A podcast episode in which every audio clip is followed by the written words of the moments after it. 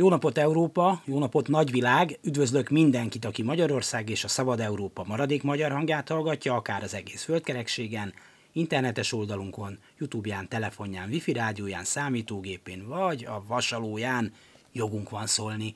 Dési János vagyok, örülök, hogy meg is velünk tartotok, szerkesztőtársam V. Nagy Gyöngyi. Motto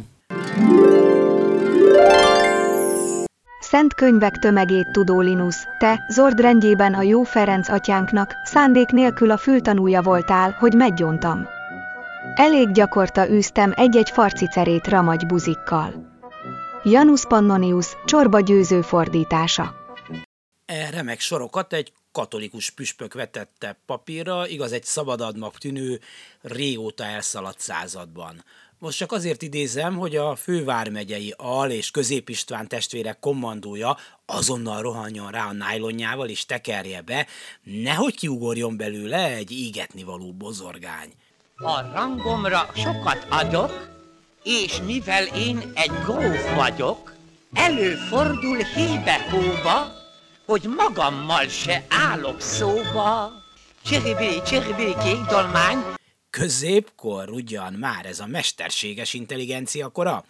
Amúgy a természetes intelligencia egy része a régi jól bevált uszításban találja meg hatalma forrását, és a természetes intelligencia más állítólagos hordozói uszulnak is, hogy a faladja a másikat.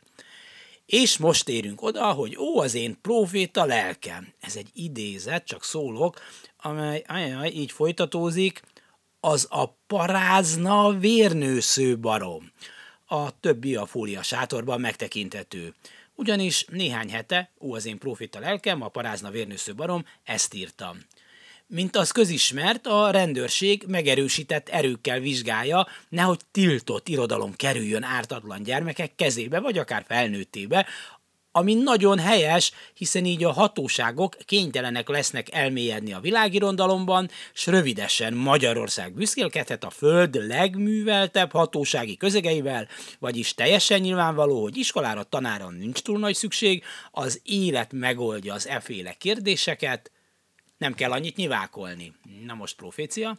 Arról nem is beszélve, ha egy-két konkurens könyves volt hálózatot szépen rendben, ahogy csillag megy az égen, szénnél lehetne bírságolni, akkor esetleg olcsóban lehetne megszereznie annak, akinek van miből. A miénkből. Ahogy ez menni szokott. Ezt a birodalmat én építettem fel a családomnak, és most átadom neked mert a mi családunkra örökkön örökké emlékezni fognak. Jaj, de szép kis könyves volt hálózat, ez kár lenne, érte, mondja egy fes ellenőr vadonatúj egyenruhájában, a parolián két pici könyvvel, ami azt jelzi, hogy a mese és regényirodalom tartozik hozzá, a dráma elhárítása, valamint a képregények ellenőrzése a másik alosztályé. A célkörözősi csoportfőnökség munkatársai a múlt héten is két írót állítottak elő, amiért helytelenül fogalmaztak. És mondjuk közben most készítik elő, hogy a megmaradt állami üdülőket odaadják a haverjaiknak, de ki lehet az az Ádám, Barbara Tóni, hogy az MR és CT még elérhetetlenebb legyen, a pedagógusokból legyen kapcarongy, az oktatás lehetőleg kreténeket képezzen, de jelentem főkönyvelhárító bajtársnak, hogy helytelen szöveg egy betű nem sok, annyi sincs itt a polcokon, a többit meg lehet nézni a Fahrenheit 451, Fahrenheit 451 című filmben.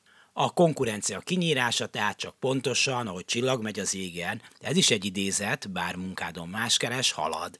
Főisbán alvezér bajtárs testvér lófő örgróf, Amodom, olyan finom, hogy már én magam sem bírom. Itt szól hozzám, aki meglát, ö, csokolom a szilvupléját. Az egész mágnás miska fölvonulhat a szórakoztatásra. A lényeg, hogy legyen ki gyűlölni, hiszen a diktatúra működéséhez mi is kellünk ám, akiket gyűlölni lehet, és akiknek gyűlölni kell.